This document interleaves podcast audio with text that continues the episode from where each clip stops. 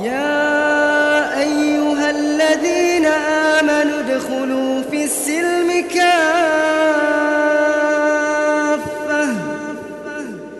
ادخلوا في السلم كافة.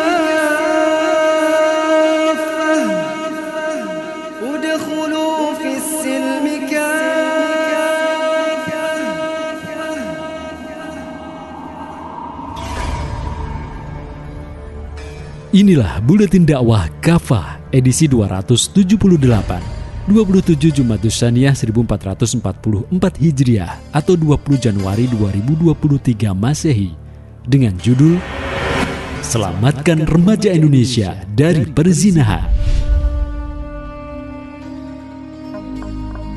Moral remaja Indonesia kian kritis ditemukan laporan ratusan siswi SMP dan SMA di Ponorogo Jatim meminta dispensasi nikah akibat sudah hamil sebelum menikah. Fakta tersebut dibenarkan Ketua Lembaga Perlindungan Anak LPA Jatim Anwar Solikin. Bahkan di seluruh Jatim, berdasarkan data dari Pengadilan Tinggi Agama Surabaya, angka permohonan dispensasi nikah atau DISKA pada 2022 mencapai 15.212 kasus. Sebanyak 80 persennya karena telah hamil. Dari Indramayu, Jawa Barat juga dilaporkan ada ratusan remaja putri usia di bawah 19 tahun alami kasus serupa. Sepanjang 2022 terdapat 564 pengajuan dispensasi nikah yang diputuskan hakim. Kebanyakan pernikahan usia muda itu terjadi karena hamil sebelum nikah. Sementara di Bandung, 143 siswi ajukan dispensasi menikah yang sebagian besar terjadi lagi-lagi karena hamil akibat zina zina, kejahatan, dan membawa bencana. Zina adalah kejahatan dan dosa besar. Allah Subhanahu wa taala berfirman, "Janganlah kalian mendekati zina. Sungguh zina itu tindakan keji dan jalan yang buruk." Terjemah Quran surat Al-Isra ayat 32. Bahkan Nabi Shallallahu alaihi wasallam menyebut zina adalah dosa besar setelah syirik. Sabda beliau, tidak ada dosa yang lebih besar di sisi Allah setelah syirik kecuali dosa seorang laki-laki yang menumpahkan spermanya dalam rahim wanita yang tidak halal bagi dirinya. Hadis riwayat Ibnu Abi Ad-Dunya. Demikian kejinya perbuatan zina, Allah Subhanahu wa taala sampai menyiapkan azab yang mengerikan kelak di akhirat. Nabi Shallallahu alaihi wasallam bersabda, "Kemudian keduanya membawaku. Ternyata ada satu kaum yang tubuh mereka sangat besar, Bau tubuhnya sangat busuk, paling jelek dipandang, dan bau mereka seperti bau tempat pembuangan kotoran. Aku bertanya, siapakah mereka? Keduanya menjawab, mereka adalah pezina laki-laki dan perempuan. Hadis riwayat Ibnu Huzaimah dan Ibnu Hibban. Namun sekarang, perbuatan zina sudah dianggap bagian dari pergaulan remaja Indonesia. Sebagian remaja menganggap bahwa berciuman, berpelukan, meraba pacar, termasuk berzina dengan lawan jenis bukanlah tabu dan terlarang. Sebagian remaja lagi bahkan berzina dengan pelacur. Malah ada juga yang terjun menjadi pelacur. Keperjakaan atau keperawanan sudah dianggap tidak perlu lagi. Ada beberapa sebab kerusakan moral ini terjadi. Pertama, remaja kita terpapar konten pornografi melalui internet. Pada tahun 2021, Kementerian Pemberdayaan Perempuan dan Perlindungan Anak Kemen PPPA mengungkapkan 66,6 persen anak laki-laki dan 62,3 persen anak perempuan di Indonesia mengakses pornografi secara daring atau online. Bahkan 38,2 persen dan 39 persen anak pernah mengirimkan foto kegiatan seksual melalui media daring. Data dari Kemen PPA juga mengungkapkan 34,5 persen anak laki-laki dan 25 persen anak perempuan pernah terlibat pornografi atau mempraktikkan langsung kegiatan seksual. Belum lagi perbuatan pencabulan hingga pemerkosaan yang dilakukan remaja akibat pengaruh pornografi. Kedua, di negara ini tidak ada sanksi keras yang mencegah perzinaan. Dalam KUHP terbaru yang disahkan DPR tahun lalu, perzinahan adalah hak delik aduan tanpa pengaduan, perzinahan tidak bisa dibawa ke ranah hukum.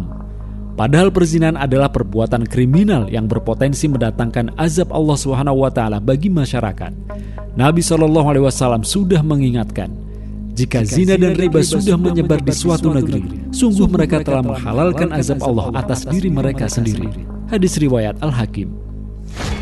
Umat harusnya melihat bahwa perbuatan zina bisa mendatangkan berbagai bencana, Kehamilan yang tidak diinginkan akibat zina bisa membuat pelakunya stres, Pasalnya, mereka tidak siap menjadi ayah atau ibu di usia muda yang selanjutnya berdampak pada pelantaran anak yang dilahirkan. Belum lagi risiko rusaknya nasab atau garis keturunan karena perzinaan. Tidak sedikit remaja putri yang hamil karena berzina lalu melakukan aborsi. Padahal aborsi beresiko mendatangkan gangguan mental berupa trauma, mengancam kesehatan seperti alami perdarahan berat, infeksi, sepsis atau kelanjutan dari infeksi, kerusakan rahim, peradangan panggul, dan endometritis atau radang pada lapisan rahim. Perzinahan juga membuka peluang bagi naiknya infeksi menular seksual atau IMS di kalangan remaja. Tahun 2018, spesialis kulit dan kelamin Dr. Hani Nilasari menuturkan, remaja yang jadi pasien infeksi menular seksual bertambah termasuk usia SMP Data di RSCM menunjukkan bahwa sekitar 15% dari kasus IMS baru yang dilaporkan terdiri dari anak berusia 12-22 tahun. Berdasarkan data rekam medis Poliklinik Ilmu Kesehatan Kulit dan Kelamin Divisi Infeksi Menular Seksual di RSUP Dr. Hasan Sadikin tahun 2013, terdapat 900-an pasien IMS. Sebanyak 9% dari jumlah tersebut adalah pasien berusia 10-19 tahun. RSUD Sutomo Surabaya mencatat ada sekitar 30 pasien EMS berusia muda setiap bulannya. Inilah peringatan yang sudah disampaikan baginda Nabi Shallallahu Alaihi Wasallam. Tidaklah tampak perbuatan keji atau zina di suatu kaum sehingga dilakukan secara terang-terangan, kecuali akan tersebar di tengah-tengah mereka to'un atau wabah dan penyakit-penyakit yang tidak pernah menjangkiti generasi sebelumnya. Hadis riwayat Ibnu Majah. Islam melindungi masyarakat. Tidak ada ideologi yang memberikan perlindungan umat manusia dari kejahatan zina kecuali Islam. Syariah Islam akan menciptakan kehidupan remaja dan masyarakat yang berkah dan mulia. Pertama, Islam akan mendidik para remaja agar berkepribadian Islam dan berakhlak mulia, yang malu dan takut berzina. Nabi Shallallahu Alaihi Wasallam bersabda, ada tujuh golongan yang dinaungi Allah dalam naungannya pada hari ketika tidak ada naungan kecuali naungannya. Seorang pria yang diajak berzina oleh seorang wanita yang mempunyai kedudukan lagi cantik lalu pria itu berkata, "Sungguh aku takut kepada Allah." Hadis riwayat Al-Bukhari. Kedua, negara yang menerapkan syariah Islam akan mewajibkan para pemuda dan masyarakat untuk menjaga adab seperti berpakaian menutup aurat, menjaga pandangan, serta melarang berbagai aktivitas yang mengarah pada perzinahan, seperti berholwat atau berduaan antara pria dan wanita dewasa yang bukan mahram Nabi Shallallahu Alaihi Wasallam bersabda, ingatlah tidaklah seorang pria berkhulwat dengan seorang wanita kecuali yang ketiganya adalah setan. Hadis riwayat Ahmad. Ketiga, negara Islam akan mendorong para pemuda yang sudah sanggup menikah untuk segera berumah tangga. Hal ini bertujuan untuk menjaga kesucian diri dan meneruskan keturunan. Nabi Shallallahu Alaihi Wasallam bersabda, Wahai para pemuda, siapa saja yang sudah sanggup menikah, menikahlah Hal itu lebih menundukkan pandangan dan lebih menjaga kemaluan. Siapa saja yang belum mampu, berpuasalah, karena puasa itu perisai. Hadis riwayat Al-Bukhari dan Muslim. Negara dalam Islam akan menghentikan peredaran pornografi dan porno aksi. Sanksi tegas akan dijatuhkan kepada pembuat, pelaku, dan pengedar konten-konten pornografi, yakni sanksi takzir berupa penjara 6 bulan negara Islam juga akan menjatuhkan sanksi tegas kepada para pezina.